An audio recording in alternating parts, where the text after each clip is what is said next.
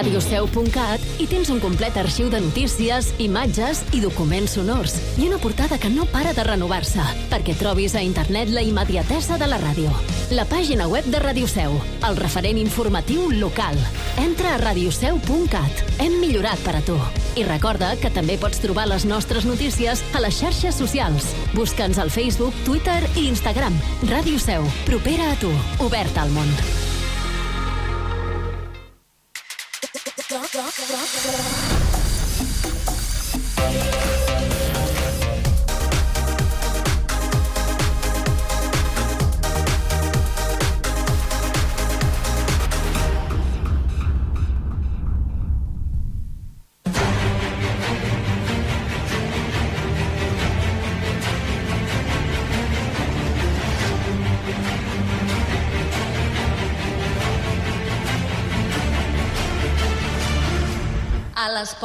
Troia, amb Alberto Reche, Sergio Rodríguez i Albert Abril.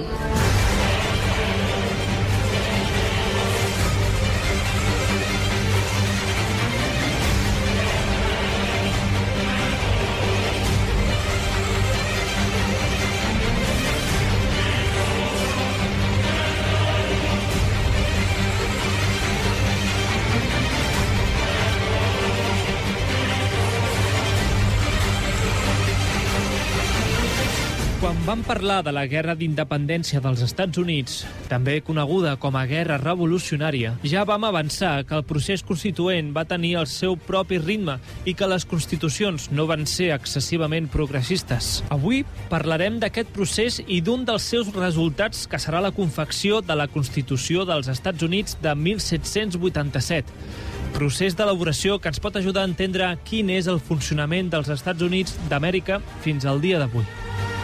Benvinguts a Filadèlfia. Benvinguts a les portes de Troia.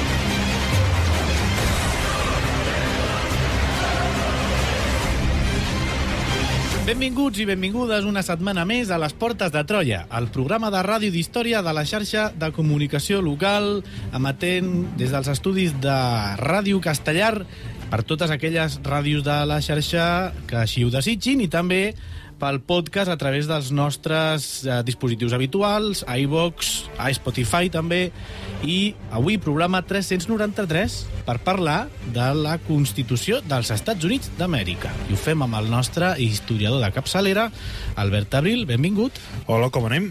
I avui ens acompanya el nostre estimat Adrià Hernando, ell és historiador, ell ja porta parlant del tema dels Estats Units, ja segon, aquest serà el tercer programa, Sí, ja, ja canviarem de tema, eh? Canviarem de tema, segur que sí. Que t'agafarà urticària al final. Sí. I aquesta vegada toca per parlar, home, de la sacrosanta Constitució dels Estats el Units d'Amèrica. La pregunta inicial és, és la Constitució dels Estats Units la millor Constitució del món? Uh... Eh, no, és millor la soviètica. Aquesta resposta no, no els agradaria als, als americans. No, no, pas. Eh, de fet, ells sí que tenen no, com aquesta imatge de que Estados Unidos és el mejor país del mundo, la Constitució dels Estats Units és la mejor del mundo i tal, però, en la meva opinió, deixa molt que desitjar, però té, té cosetes interessants i crec que avui veurem algunes d'aquestes.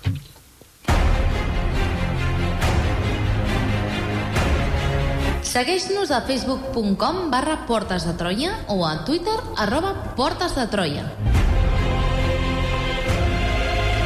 Descarrega't el podcast des d'iBooks o iTunes.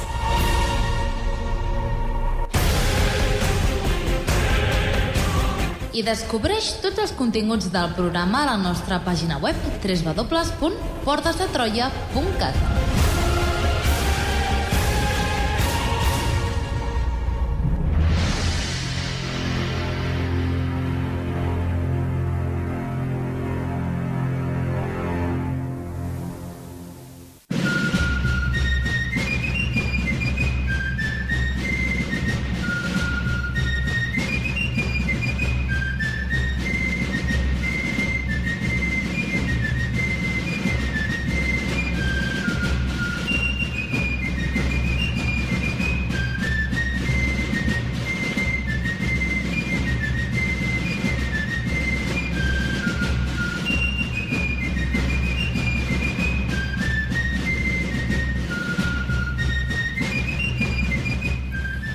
Selecció musical, com sempre, de la mà del nostre convidat, de luxe. Què estem escoltant?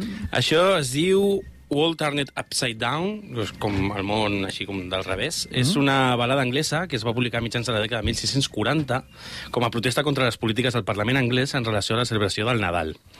I la llegenda diu que quan Lord Cornwallis estava rendint-se al setge de Yorktown, del que ja vam parlar en el seu moment, eh, la seva banda de música estava tocant aquesta cançó.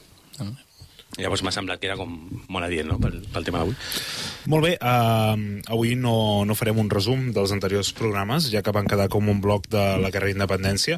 Uh, de fet, el que fem, com sempre, és recomanar als nostres oients que si volen escoltar-se aquest programa sobre la Constitució i volen tenir un bon, una bona base uh, de context, que s'escoltin aquests dos programes interessantíssims que va venir a fer l'Adrià fa cosa d'un mes, algú, uh, dos mesos o alguna cosa així.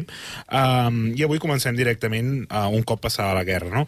Com serà, Adrià, després de la Guerra d'Independència, com serà el procés de formació del que avui coneixem com els Estats Units d'Amèrica?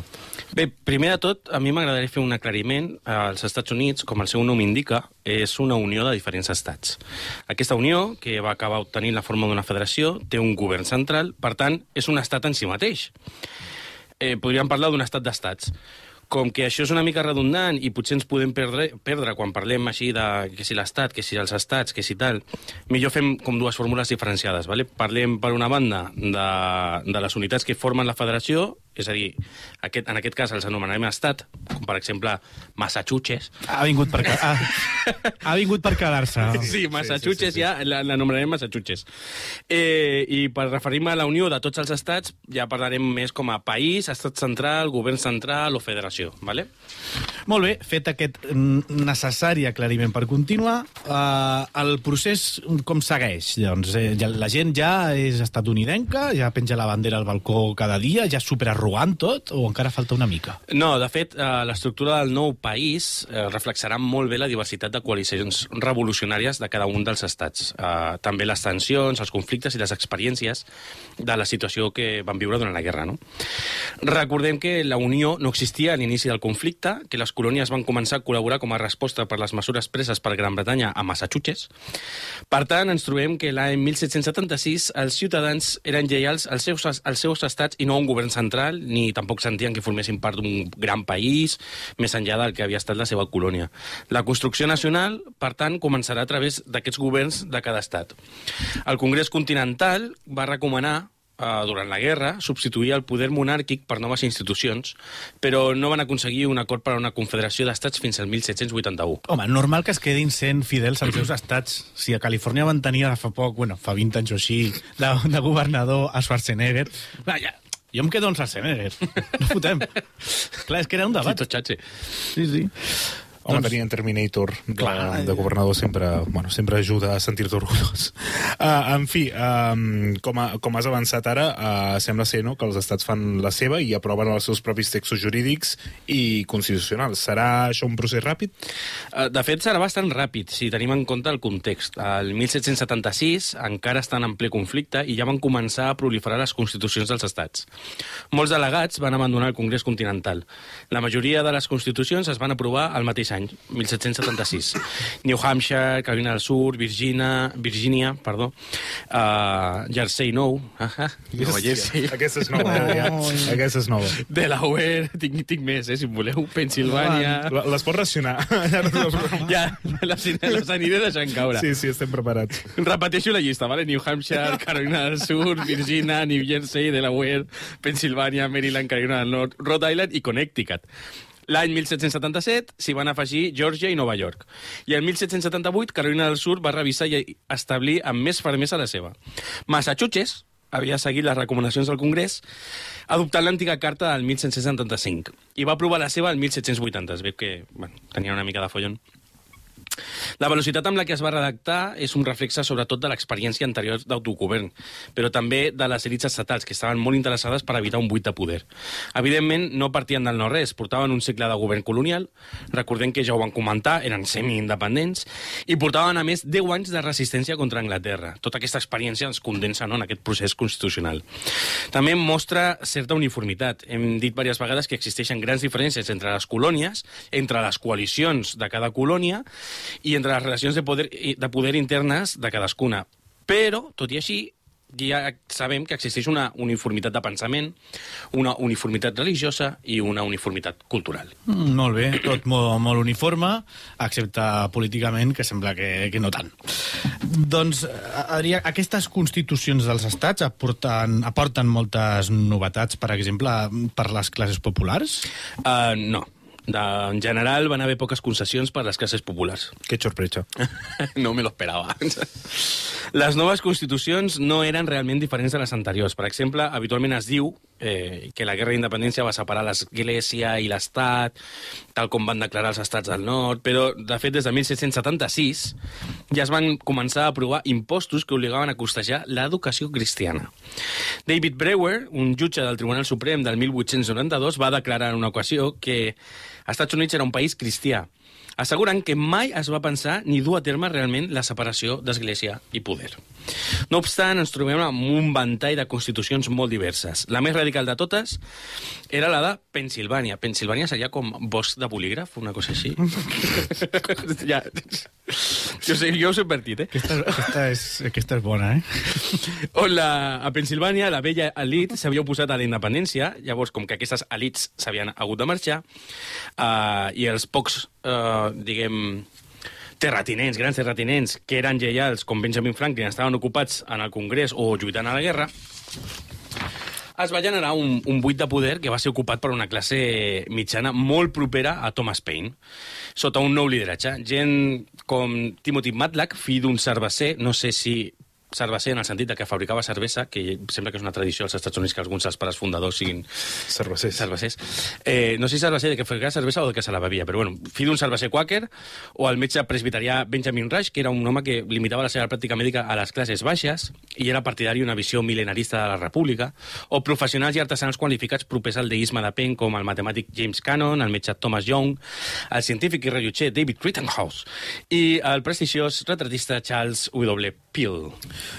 Molt bé, i has avançat que la Pensilvània era la Constitució més radical. Uh, com és això i, sobretot, quines mesures comprenia una miqueta? Doncs per començar, qualsevol membre de la milícia major de 21 anys que hagués residit durant un any i hagués pagat impostos podia escollir els 108 delegats per a la Convenció Constitucional de Filadèlfia. El resultat, eh, com deien, la, eh, va ser la Constitució més radical de, de, de la Revolució. I potser la única, en la meva opinió, que li dona una mica de sentit a dir-li Revolució. Rebutjaven l'equilibri de poders amb una càmera única, van substituir la figura del governador amb dret a vet per un executiu escollit, s'intentava prevenir la diferència entre legisladors i poble amb una elecció anual, eh, també s'establia la rotació de càrrecs, els debats oberts i l'elecció cada set anys d'un Consell Censor que determinés si la Constitució havia estat violada. Això eh, del Consell Censor és molt interessant, eh? jo ho deixo aquí a l'aire. Va eliminar les penes de presó per als autors no culpables de frau, va establir quotes baixes per a les escoles, va estendre el sufragi als barons blancs més grans de 21 que paguessin impostos, considerant que les classes productores eren l'espina dorsal de la república.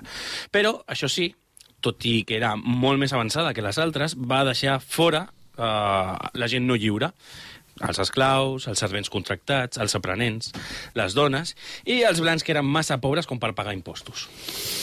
Mm, quina va ser, per contra, la Constitució més conservadora, Adrià? Uh, la de la terra de la Mari, Maryland. Perdó, eh? Oh, no, no, no.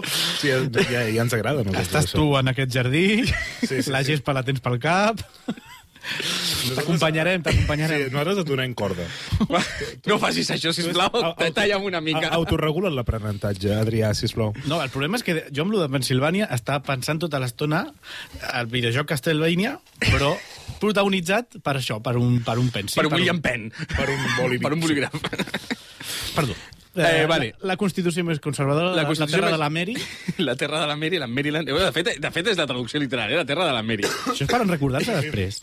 A l'altre costat del ventall tenim aquesta, no? la de la Maryland, eh, que va ser la constitució més conservadora. Les èlits plantadores es van adherir a la independència sense gaire entusiasme, mm, tractant sobretot de mantenir el seu poder enmig de tanta destrucció i desintegració social. Assetjats per les milícies toris i l'amenaça d'una insurrecció esclava, la seva constitució va fer de la propietat, especialment de la gran propietat, el fonament del govern. Era condició per ser escollit i ocupar càrrecs públics. Eren necessaris com a mínim 500 lliures de propietat per a la cambra baixa, 1.000 per a l'alta i 5.000 per governar. També 1.000 per al Consell Executiu o per ser xèrif. 15 membres del Senat eren escollits mitjançant col·legi electoral, és a dir, que eren escollits per delegats prèviament que havien estat escollits. Cada 5 anys el governador era anual per la legislatura. Eh, perdó, cada 5 anys és, és eh, el, el, els 15 membres del Senat i, els, i el governador és escollit per la legislatura. ¿vale? El 90% dels blancs que pagaven impostos eren exclosos i només un 7%, un 7 de la població podia ser escollit a la cambra alta i un 10% a la cambra baixa. Déu-n'hi-do, déu nhi déu nhi Això és Maria Rajoy dient que és l'alcalde, el, que, el pueblo, el que elige l'alcalde, l'alcalde... Uh, què, què, què diu Rajoy? Uh, no sé, això saps, ho saps? És, és impossible O sigui, reproduir aquella frase. És impossible reproduir, i, i he intentat recordar... Aviam, Adrià, ai, però- Albert, com és? No, és que saps què passa? Que jo confiava que tu em corregiries, perquè ets tu la persona que sap les frases d'en Rajoy d'aquest programa. Correcte, però no, no. No, no, no, ja no, ja no entra. Aquest és, és, és level. Ah, és, és que ara està el Feijó. Ja, és veritat. Aquest també. Aquest també bueno, de fet, en Rajoy ara està escrivint molt sobre, la, bueno, el, sobre el Mundial. Bueno, no sé si has sí. llegit algun article seu. I a mi me la suda el futbol totalment, això però ell fent- Però llegit- valien la pena, O valien sigui, la els pena. articles d'en Rajoy valien la pena. Perquè... El Mundial, perdó, és que el Mundial s'ha acabat fa setmanes, eh? Bueno, és- Notícia que et dono. igual. Sí, de fet sé que va perdre França. Però amb això ja sí que... Però... No t'importa qui va guanyar, no? No, va, Argentina, crec. Uh, uh, en fi, um, què van fer als estats eh, importants com Nova York o que el guió m'obliga a dir Massachusetts? El guió no t'obliga a dir Massachusetts. Ja, és veritat, el guió no m'obliga. T'encanta he dir he vol- Massachusetts. He volgut. Uh, Nova York i Massa... en Nova York havia pensat en algun acudit, però m'he oblidat ja. Nova York i Massachusetts, l'Eli Quick va intentar evitar sobretot l'experiència de Filadèlfia. Van reforçar el poder del Senat, de l'executiu i de la judicatura, així que van plantejar una Constitució que defengués els seus interessos, però eh, no descontentés a la majoria de ciutadans. Això va ser possible gràcies sobretot a la fugida dels Tories, que seria pues, la part de, de ciutadans que estaria més descontenta. A Nova York, l'elit liderada per John Jay, Governor Merris, m'encanta el nom de Governor Merris, saps que el teu fill es diu governador, sí, sí, eh, sí, sí. William Duer i Robert R. Apu, Livingston... apunta maneres. De punta manera, sí. Van elaborar una Constitució bicameral. La Cambra Baixa era anual, el Senat era trienal, així com el governador. Aquesta, juntament amb els jutges del Tribunal Suprem, formaven un Consell de revisió o modificació en capacitat de vet. Per poder votar o escollir l'assemblea era requisit ser propietari de 40 lliures i pel Senat i governador 100. Seguim mantenint aquest, aquesta idea de que has de ser propietari de certes lliures de, de terra o el que sigui, però en aquest cas veiem que no és tan radical com O sigui, Maryland. a mig camí entre, entre Filadèlfia, entre Pennsylvania i, i, la, i la terra de la Mary. Ah, Exacte. Vale. A Massachusetts, escenari bèl·lic, des del 1775, va mantenir la seva antiga carta colonial fins a la Constitució de 1780. Es veu que estaven una mica liats, suposo que allà lluitant i tal. Eh, aquesta era encara més conservador que la de Nova York. Era un, tenia una cambra baixa per a les ciutats i un senat amb representació proporcional a la riquesa de cada districte i no a la població. El vot requeria 60 lliures mínim. Per ser senador era necessari de ser propietari de 300 lliures en béns immobles i 600 en propietat personal. Això suposo que es referirien a tenir una calessa bonica, molts cavalls, mm. bona roba i cosetes així. El governador, mínim 1.000 lliures. No obstant, a Massachusetts eh, van introduir la novetat de que la Constitució va ser redactada no pel govern provisional, sinó per una convenció escollida expressament amb aquesta finalitat, una mena de convenció constituent, el, el qual també és una miqueta interessant. És el que dèiem, no? que cada, com en cada Sí, territori fan la seva, vas agafant... Poti-poti de coses... Sí, agafes una mica d'aquí i d'allà i al final pot quedar una cosa maca. Ja veurem. Veurem. bueno, ja veurem. Sí. Quedeu-vos amb, quedeu amb nosaltres per descobrir-ho. Exacte. Aquesta Constitució de Massachusetts s'havia de ratificar popularment, o com a mínim, segons el que ells entenien que era popularment. Molt bé, doncs eh, ens anem a, a, anem a veure què passa amb més estats.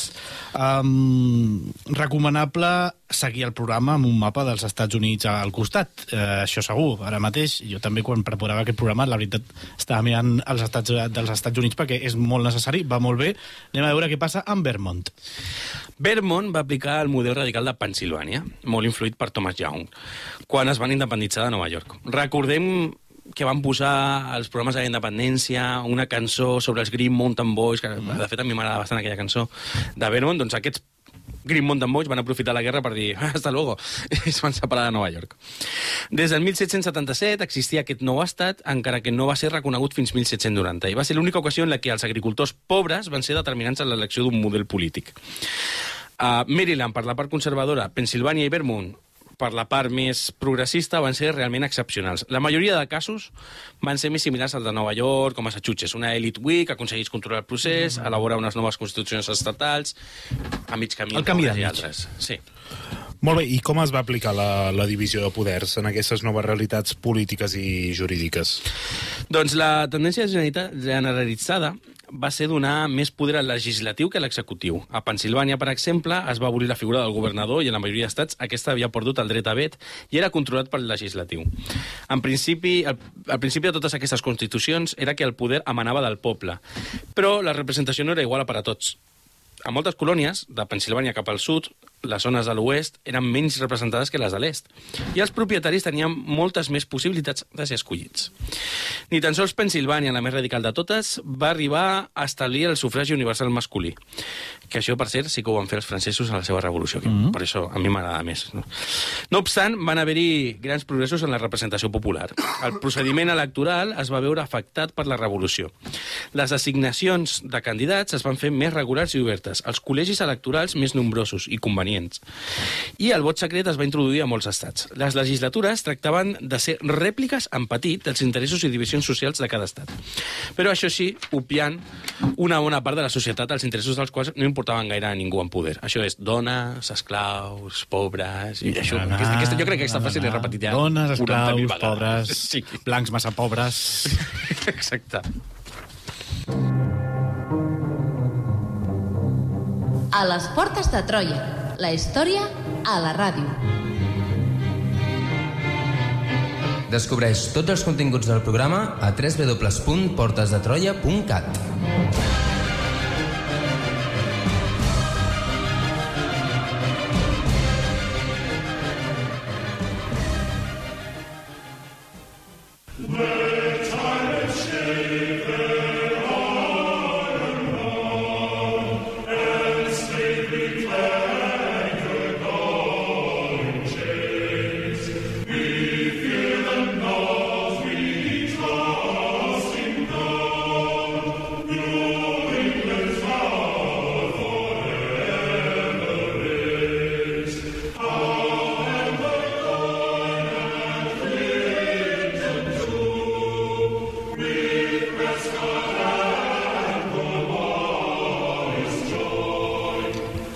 Chester, Chester. Chester és una cançó, un himne patriòtic compost per William Billings durant la Revolució Americana. Va escriure la primera versió el 1770 i la va millor el 1778, que és, eh, si no m'equivoco, és la que està sonant ara, és la versió més coneguda avui dia. Molt bé, doncs fem check amb les diferents... Eh, feu check? Fe... Molt bé. L'Albe- L'Albert ha fet check amb les diferents configuracions d'alguns dels 13 estats inicials. Sembla que cadascuna fa la seva. De moment tenim estats d'Amèrica units no només per fotre els anglesos i mantenir privilegis. El tema de confederar-se com va?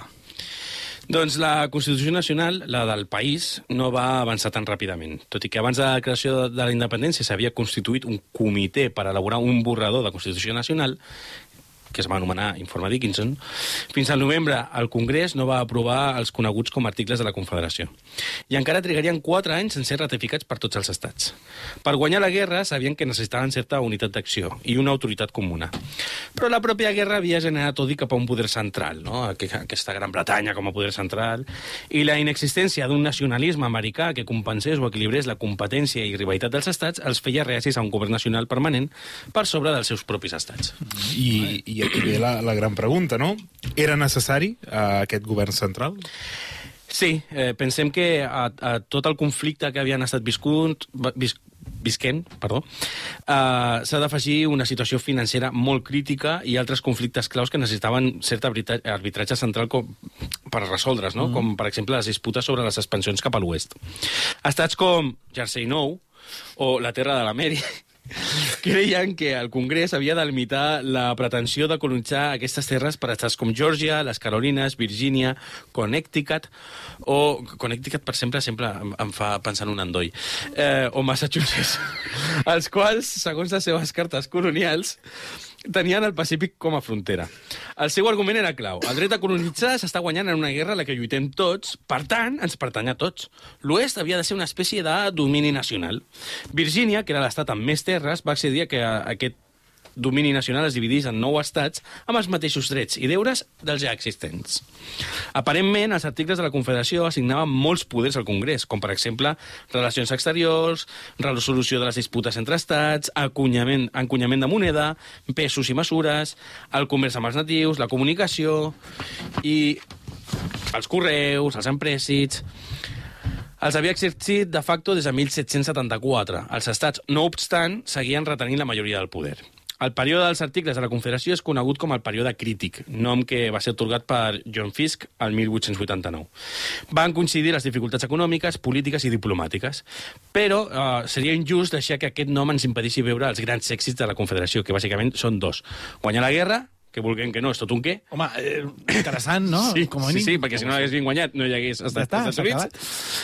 I l'altre és obtenir uns termes de pau favorables i fonamentalment Ah, per, perdó, són tres. Eh, el, el, guanyar la guerra amb uns termes de pau favorables el podem comptar com dos, Mm -hmm. i després organitzar les colonitzacions de l'oest. Mm, vale. Molt bé. Has comentat que, que, que hi havia la idea que l'oest quedés sota un domini nacional. Com avançaran aquestes idees sobre l'oest? Doncs la colonització de l'oest va quedar organitzada a través de diferents ordenaments, duts a terme pel Congrés entre 1784 i 1787. Aquests regulaven les terres del nord-est, àrea del riu Ohio, de l'oest, de preguntaré Ohio. perquè jo No, crec no que faré cap acudit amb això. Ja tothom pot arribar a les seves conclusions. de l'oest de, del bosc de Bolígraf, de Pensilvània, i a l'est del Mississippi. Uh, la de 1684, que va ser redactada per Jefferson, dividia el territori en set districtes governats per la Unió que es convertirien en estats en ple dret tan bon punt tinguessin el nombre d'habitants igual el més petit dels estats ja existents. Uh -huh. El 13 de juliol de 1787 s'aproven els ordenaments del nord-oest, segons els quals es preveia un període inicial de tutela per part del Congrés en el que cada territori seria controlat per un governador, un secretari i tres jutges escollits pel Congrés. Tan bon punt en aquest territori arribés a la xifra de 5.000 homes, i aquí amb homes ens referim a mascles, adults de més, amb més de 50 acres de terra podríem escollir una assemblea. Però el governador tindria dret a vet. Es crearien entre 3 i 5 estats que formarien part de la Unió en termes d'igualtat tan aviat arribessin als 60.000 habitants. Aquests haurien d'aplicar els principis d'igualtat, de religió, representació proporcional a les legislatures, judici per jurat, habeas corpus, el principi, els privilegis de la llei comuna, etc. L'esclavitud estaria permanentment prohibida. Ja començàvem a comptar amb una oposició gran a Nova Anglaterra. Es buscava, sobretot, assentar-se que assentar-se a l'oest fos atractiu garantit, garantint que els principis polítics bàsics de la revolució eh, poguessin ser ga- gaudits pels nous habitants, no? I, sobretot, la seguretat dels drets de propietat. Aquests mateixos termes, amb l'excepció de l'esclavitud, es van aplicar al sud-oest. I, I serà aquest el punt de referència de, a, a la colonització de l'oest el que farà que els nous estats es posin a treballar per consolidar un poder central? Uh, amb aquest, amb, amb l'excepció d'aquest punt de l'esclavitud, diguem, referit a l'expressió cap a l'oest, el fi de la guerra d'independència va significar que els diferents estats deixessin d'interessar-se per la unitat. Eh, perdó, m'he liat. Uh, sí, efe- efectivament, deixen d'interessar-se per la unitat eh, perquè ja han resolt, diguem, el tema de la colonització. Els articles de la Confederació es van mostrar mm, impotents a l'hora de crear un marc legislatiu i de permetre al Congrés executar els termes més fonamentals. Es va començar per ignorar les obligacions financeres, no poguent-se pagar les pensions de l'exèrcit continental ni els deutes de guerra. També resultaven impotents a l'hora de resoldre la depressió econòmica postbèl·lica. Al 1783, els consumidors van tornar a les manufactures britàniques i el comerç amb el Carib britànic era inevitable. Molts estats d'Europa tampoc estaven gaire disposats a acceptar el lliure comerç. Quan van tractar de protegir-se amb arancels, no va resultar efectius perquè no tots els estats els adoptaven. Però a veure, diria això, aleshores, eh, que això que ens està explicant fa pinta de ser una mica desastrillo, oi? No sé, aquí tothom mira per lo seu, de moment no és gens romàntic, no em venen ganes de ficar la mà al cor i cantar l'himne dels Estats Units, eh? De fet, ens podem imaginar que tot això genera un caldet molt bo, no? I un, un xup-xup maco Sí, per la de conflictivitat moment social. no tinc Bo, ganes. bo, per, bo per tu, perquè jo estic una mica amb en Sergio. De, mo- jo de moment no, no tinc No, ganes no, de... és bo per la conflictivitat social, que és, Ah, vale, és vale, del vale, que ens alimentem els historiadors. Però jo de moment no tinc ganes de posar el, algun famós d'aquests cantant l'himne dels Estats Units a la final de la Super Bowl. Jo, Eh? jo tinc curiositat... si Tranquil, final- encara, encara queda programa. Jo tinc curiositat, si, de fet, si, al final del programa sí que tindràs ganes. Mm. No sé si és el teu objectiu avui. Quedeu-vos amb nosaltres, segon avís. Uh, bé, com era d'esperar, realment uh, que es va generar aquest caldet per la conflictivitat social i així va ser. Uh, L'ascens de la nova èlits de classe mitjana va suposar la multiplicació d'interessos a satisfer. Això va generar caos i anarquia i la política es va omplir de localismes. Un dels, fets, un, o sigui, un dels principals conflictes era el pagament dels deutes prebèl·lics. A Rhode Island, on la gent que dominava la legislatura era també la més endeutada, es va seguir emetent paper moneda, cada cop més depreciat, i pagant els acreedors amb ell, i deixant-los una miqueta a la bancarrota també. A Massachusetts, no obstant, va succeir tot el contrari. A l'oest de Massachusetts, així sembla el començament de la cançó de, de El príncipe de Bel-Air, no? A l'oest de Filadèlfia. Perdó. A l'oest de Massachusetts va començar a generar-se ressentiment contra l'Assemblea Legislativa de Boston. La Constitució, com ja m'ha assenyalat, havia augmentat els requisits de propietat per a poder votar i era impossible adquirir cap càrrec sense ser ric. Addicionalment, l'Assemblea es va negar a emetre paper moneda perquè els grangers endeutats paguessin els seus acreedors. Al no pagar, les seves terres serien confiscades en un moment, precisament, en el que es trobaven plenes, plenes, plenes de cereals. Aquest malestar es sumarà al de molts veterans de guerra de l'exèrcit continental. Aquests ja estaven bastant enfadats per com havien estat llicenciats. Els havien pagat en futures extensions en comptes en efectiu. Hola. Venga, buena suerte, ¿sabes? Gracias por tus servicios. Hala. Ja cobraràs, ja. Hasta luego. Cobraràs quan hayas muerto. I, en fi, no havien pogut cobrar els seus bons de guerra. Es van armar, van organitzar els camperols, van interrompre sessions del tribunal en diferents localitats, la milícia no va ser capaç d'impedir-ho, ja fos per inferioritat numèrica o per simple simpatia amb els rebels. El més important d'aquests exèrcits eh, comptava amb 700 homes dirigit per un excapità anomenat Daniel Shea. La seva revolta va moure consciències l'estiu de 1786. Uh, Parla'ns una miqueta més de qui era en Daniel Shea i la revolta gens esperada uh, que, va, que va liderar aquest personatge, sisplau. Daniel Shea era jornaler quan va començar la guerra, va combatre a Lexington, a Bunker Hill i a Saratoga. Aquests se les va menjar totes. I va ser ferit durant la guerra, com, com, com era d'esperar, no? si estàs a tots els, els conflictes. Es va llicenciar de l'exèrcit perquè no estava rebent la seva paga i va acabar anant a judici per no pagar els seus deutes.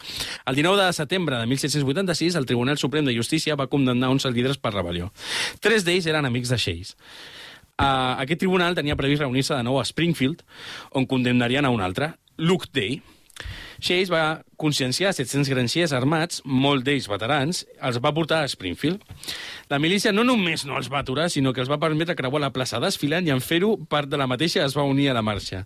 A tot això va arribar aquell dia, eh, van arribar aquell dia més granxiers armats com a reforç. El tribunal va accedir a plaçar la vista, òbviament. El governador... Home, sí. No, no queda gaire, gaire més remei, no? El governador i altres líders polítics de Massachusetts es van posar una miqueta nerviosos, com era d'esperar. Es va començar a anomenar reguladors els insurgents. Estaven nerviosos i van començar a a menjar xutxes.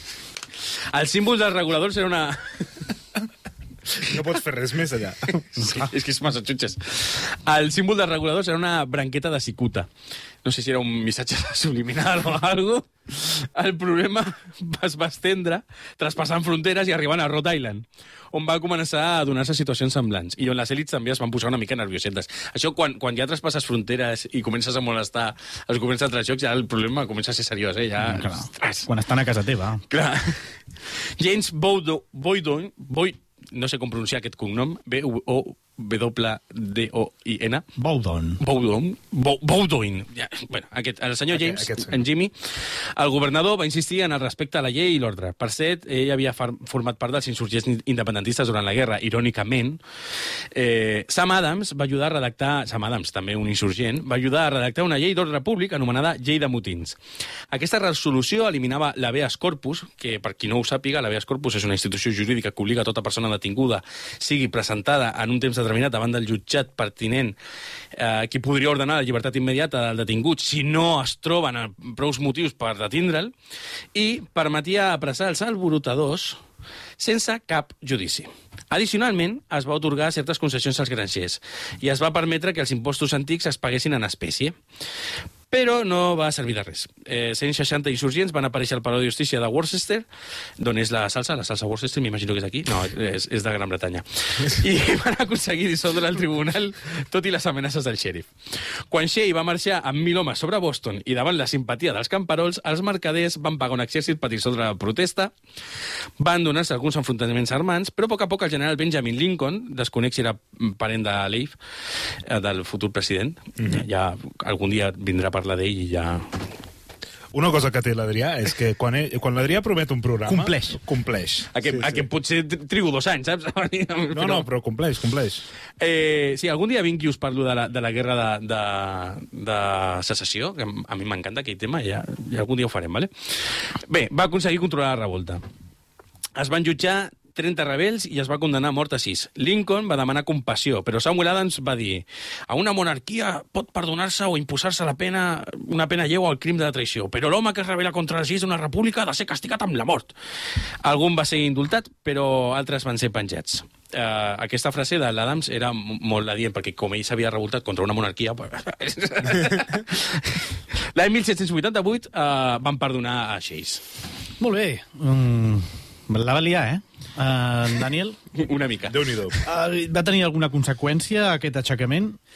Uh, bé, Jefferson, que era ambaixador a França en aquell mateix moment, uh, va dir que els aixecaments eren saludables per a la societat. Oh, oh, oh. Concretament... Donant-se copets al pit. Con Els concretament, aixecaments són un- saludables. Una frase que jo, jo de petit m'agradava molt una pel·lícula que es deia La Roca i el general Hammer citava una frase de Jefferson, que és aquesta.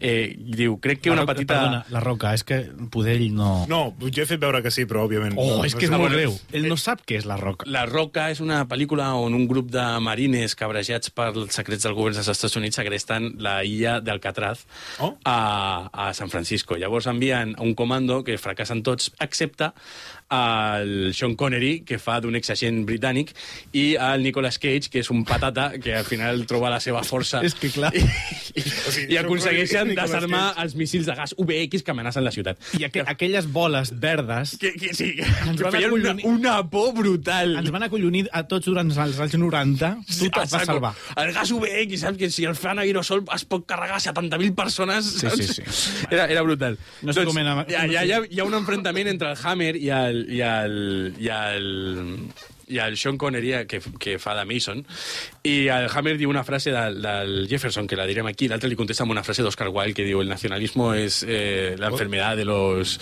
inútiles o algo así, no me'n recordo, una cosa així. O sigui, Brutal. aquí un, un debat filosòfic entre Jefferson i Oscar Wilde. Em sembla, o sigui, em, Eh, em sembla eh, no, fantàstic, no això. tens res a fer contra Oscar Wilde. Aquí t'ho deixo. Eh, bé, diu... Crec que una petita rebel·lió de tant en tant és bona. És una medicina necessària per a la bona salut del govern. Déu no vulgui que passem 20 anys sense una d'aquestes revoltes. L'arbre de la llibertat ha de regar-se de tant en tant amb la sang dels patriotes i tirans. És el seu abonament natural. Però, en fi, les elites dels Estats Units ho veien d'una altra manera, amb una miqueta més de por i, per tant, eren una miqueta menys tolerants que en Jefferson. Segons el propi Jefferson, la petita rebel·lió de Shea donava compte de la impotència dels estats per resoldre els conflictes armats locals i donava força a la idea que ja havia aparegut abans, la de reformar les deficiències de les constitucions i formar un govern central fort. Ah, calicua. Aquí el Jefferson, saps, juga les seves cartes... Gobierno central. ¿Dónde está la bolita? ¿Dónde está el govern central? Pam! T'ha tocat. No, no, s'ha de dir que el nostre amic Jeffy s'ho fa venir molt bé, no?, per, per anar a petar allà on ell volia, realment. Tal qual. Tot aquest eh, procés comença amb James Madison l'any 1784, quan s'ha de fer càrrec de la mediació en una disputa entre Virgínia i la Terra de la Mari eh, sobre els impostos de navegació del riu Potomac i la bahia de Chesapeake, que sempre em recorda a, a un cheesecake. Eh, van arribar a un acord per elaborar una tarifa única. Però Virgínia va encarregar a Madison convocar una reunió de tots els estats per concedir al Congrés el poder de regular el comerç. Virgínia, si us fixeu, és un estat que, que mola, perquè no va començar la guerra amb ell, eh, si no sé si recordo, però es va carregar a les esquenes com tot el procés de, "Buah, pues, bueno, pues ya hago yo la guerra, la gano yo, tal. Després diu, bueno, pues sí, eh, organizamos el oeste para colonizarlo. Vull dir, és un estat com que va cediendo a todos. Sí, que sí, que sí. I jo crec que sense Virgínia als Estats Units no hagués nascut. Bé, eh, Virgínia eh, demana convocar aquesta reunió de tots els estats per concedir més poder de regular el comerç al Congrés. Aquesta es convoca a Annapolis, a Maryland, i només van acudir, acudir 12 representants de 5 estats. Alexander Hamilton, per Nova York, James Madison, per Virgínia, es van convèncer de la necessitat de reformar els articles de la Confederació, convocant una altra reunió a Filadèlfia al maig de 1787, amb l'objectiu de discutir problemes econòmics, financers i polítics. I suposo que van tenir uns canapés fets amb torradetes i Filadèlfia, no? Avui, Avui estic... l'humor intel·ligent a les Sí, sí, portes sí, de sí. Troia. M'heu dit que em donàveu cova i jo sí no, que en talléssiu. no, però ens està fent cas perquè els està racionant. Vull dir, més o menys cada 5 minuts. Jo anava a dir si James Madison és conegut per la pel·lícula, no? Dels ponts de Madison. Potser es va construir ell, qui sap. Altres coses. L'any 1786 va ser el pitjor any del període crític. A part de la rebel·lió de Shea i de ser el pitjor moment de les crisis econòmiques, el conflicte nord-sud va impedir aprovar el tractat de Jay que obria el comerç amb Espanya. Hi ha aquí- aquí coses que passen. El 21 de febrer de 1787, el Congrés va recolzar la celebració, la celebració de la Convenció Constitucional de Filadèlfia per revisar els articles de la Confederació.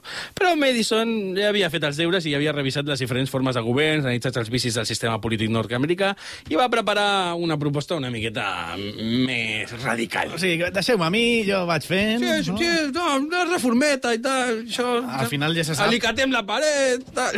Entre pont, entre pont i pont, en James Madison va, va, va ser bàsicament qui va redactar el, el, el, la part més, més llarga, o bueno, sí, un dels principals redactors de la, de la Constitució. Que consi que tu estàs aquí també fotent els acudits, eh? Que no, no soy solo. Sí, solo clar, jo. evidentment. Aquí hem de contribuir és, tots. és, és un incendiari. Adrià, en què va consistir la proposta de Madison? Eh... El guió, el guió Aquí- és traïdor, eh? Aquí, el guió és traïdor, el Sergio. El guió és traïdor. Perquè aquí m'he apuntat que, a més de fer ponts, feia lleis, Adrià, a més de fer ponts, feia lleis en Madison. Uh, aquest cop sí que els estats van enviar representats...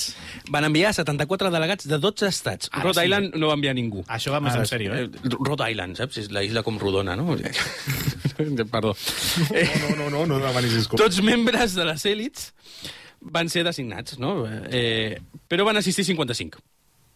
Realment eh, hi ha uns quants que van fer campana.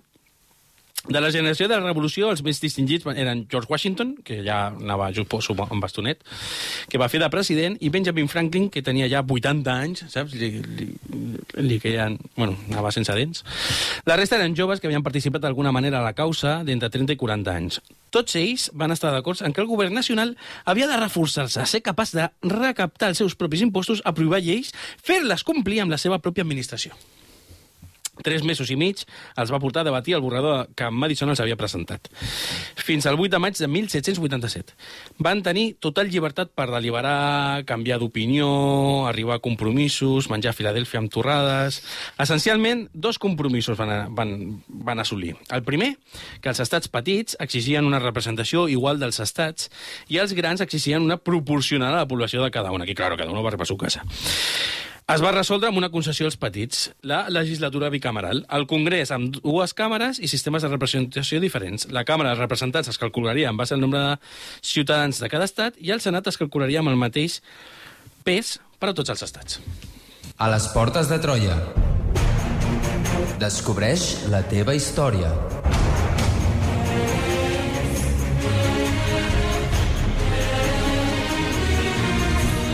Troba'ns a facebook.com barra Portes de Troia i a Twitter arroba Portes de Troia.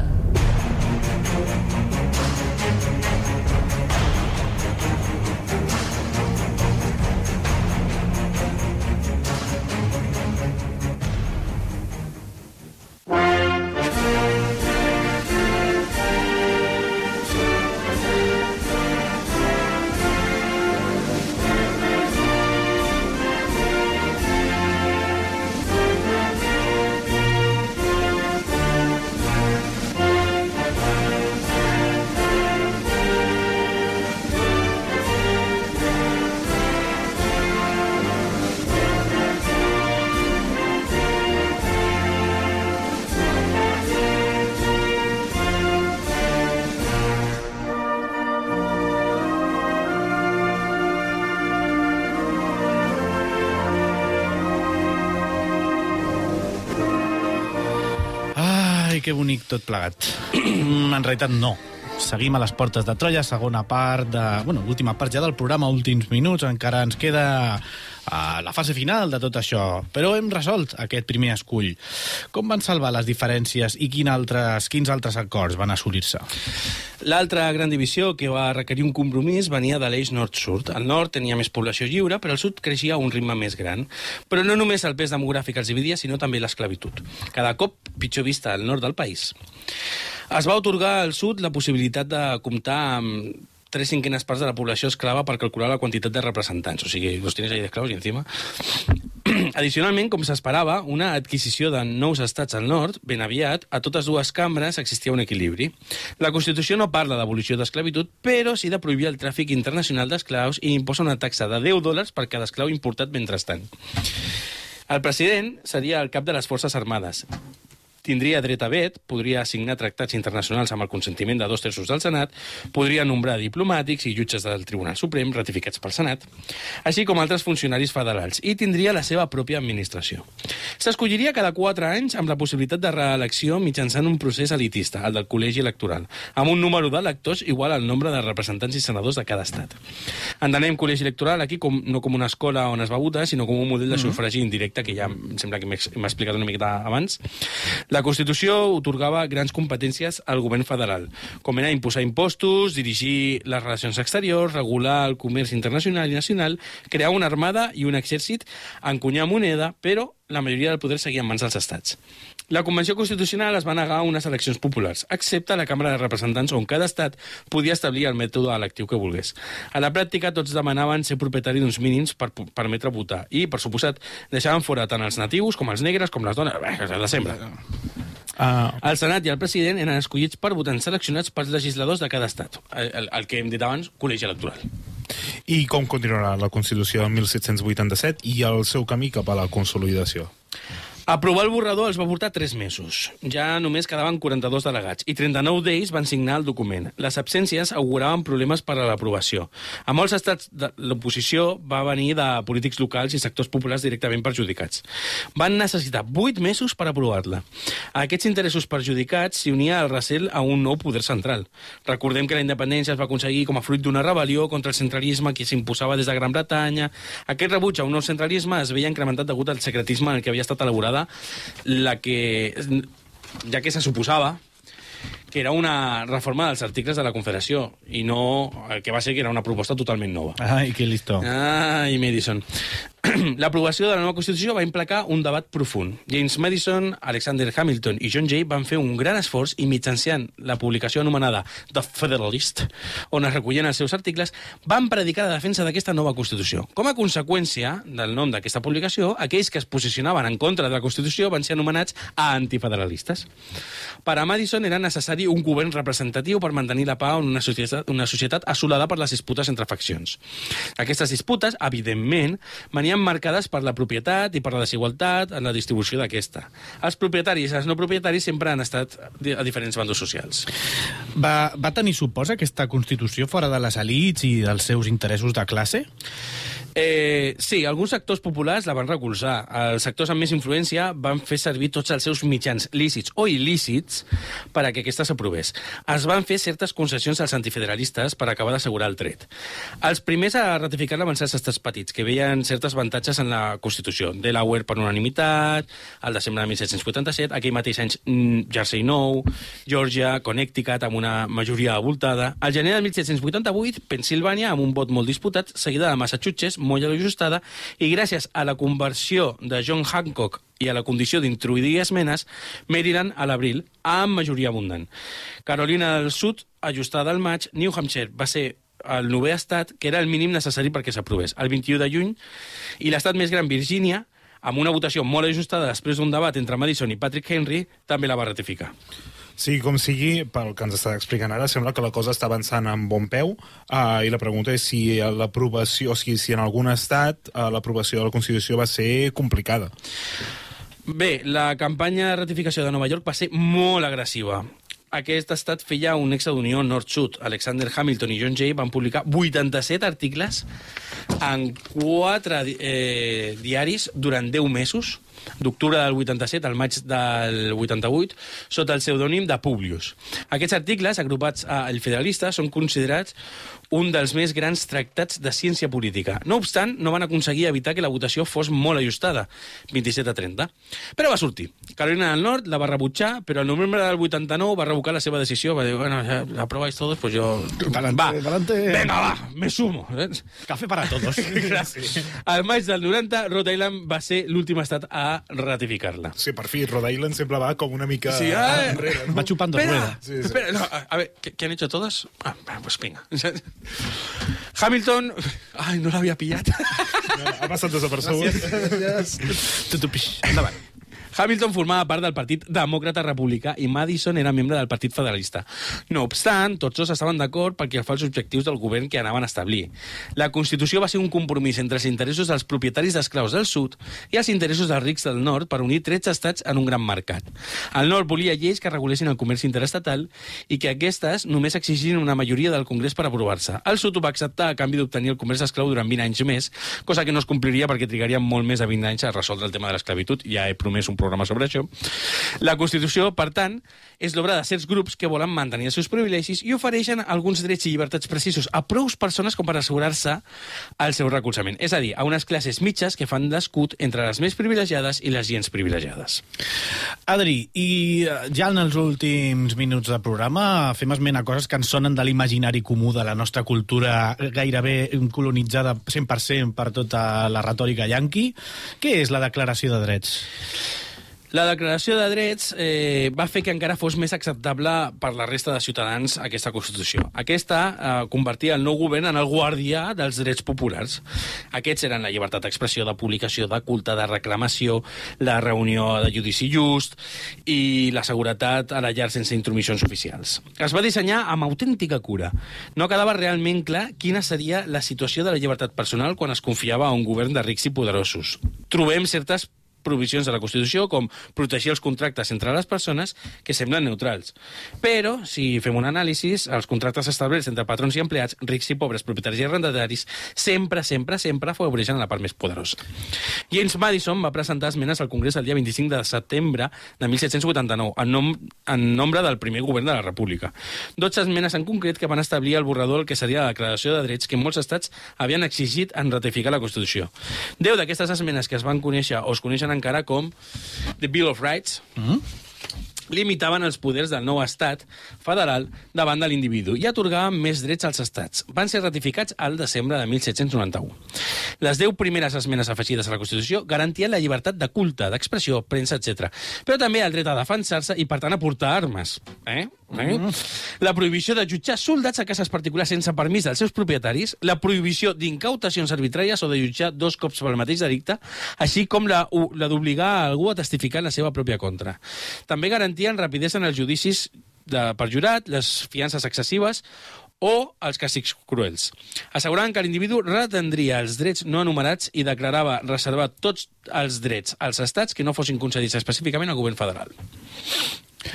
Molt bé, doncs eh, això que és tot molt idíl·lic, eh, a la pràctica què va significar, Adri? Una última pregunta fent una mica englobament, resum, conclusió de tot plegat, per preguntar-te si, bueno, després de tot, totes les conclusions a les quals ja, ja hem arribat i que queda molt clar aquesta estructura, aquest fons, aquest missatge de la Constitució dels Estats Units, quines conclusions més eh, ens voldries fer arribar eh, de, tot aquest, de tot aquest procés de, de redacció i implantació de la Constitució de la, dels Estats Units d'Amèrica? Doncs bé, que feta la llei, feta la trampa. La primera esmena de la declaració de 1791 establia que el Congrés no promulgaria llei alguna que restringís la llibertat d'expressió de premsa. Però, set anys després, es va aprovar la llei de sedició de 1798 amb John Adams, considerant delicte expressar o escriure quelcom fals, escandalós o maliciós contra el govern, el Congrés o el president amb intenció de difamar, desprestigiar o incitar l'odi. No. Els primers anys va quedar clar que algunes de les disposicions de la Constitució, com la primera esmena, es van tractar a la lleugera. Altres, com la recaudació d'impostos, es van fer complir enèrgicament. Els pares fundadors no desitjaven cap equilibri, només mantenir la situació com estava abans, canviant això sí unes elites per unes altres. Ni tan sols creien que la meitat de la població formés part dels poders en pugna. Doncs, com ja hem dit diverses vegades, les dones no estaven presents ni a la declaració d'independència, ni a la Constitució, ni molt menys a la declaració de drets. Alguna cosa més que vulguis afegir? Uh, Constitució, conclusions, una, una Constitució justa, injusta, mm, com la trobes?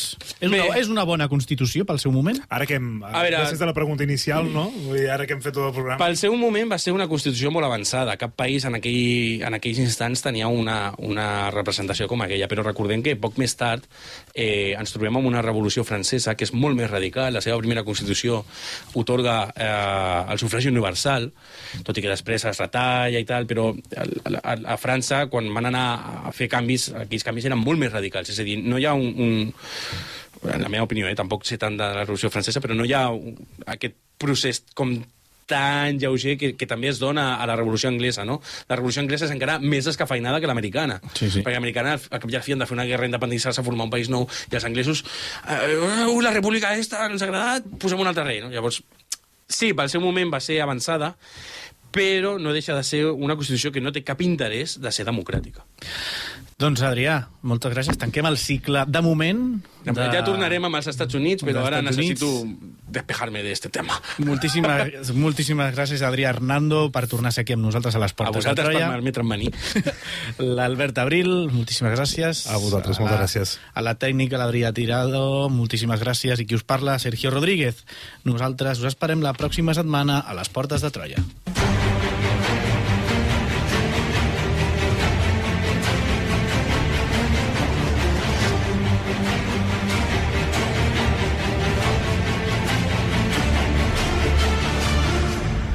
Les portes de Troia, amb Alberto Reche, Sergio Rodríguez i Albert Abril.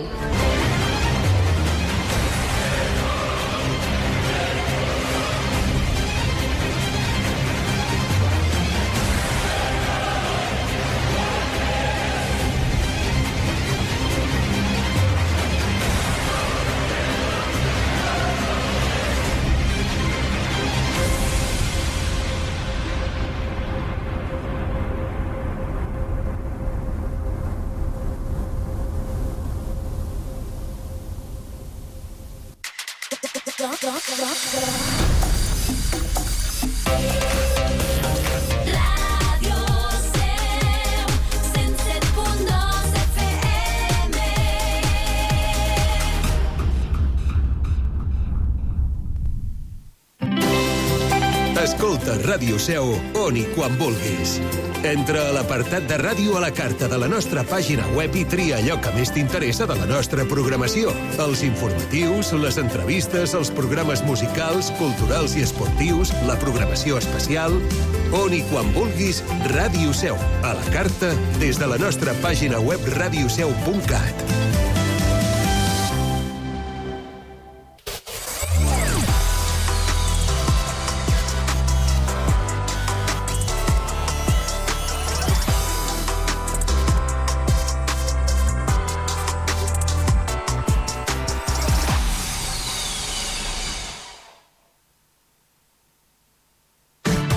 Centenars de persones segueixen l'actualitat diària de la Seu, l'Alt Urgell i el Pirineu amb radioseu.cat. Des de la Seu o des de qualsevol punt del món, la pàgina web de Ràdio Seu t'acosta el que passa a casa nostra, siguis on siguis. Una pàgina web renovada i amb un servei de podcast que millorem perquè puguis accedir més fàcilment a tota la nostra programació quan vulguis. Busca'ns també a Facebook, Twitter i Instagram.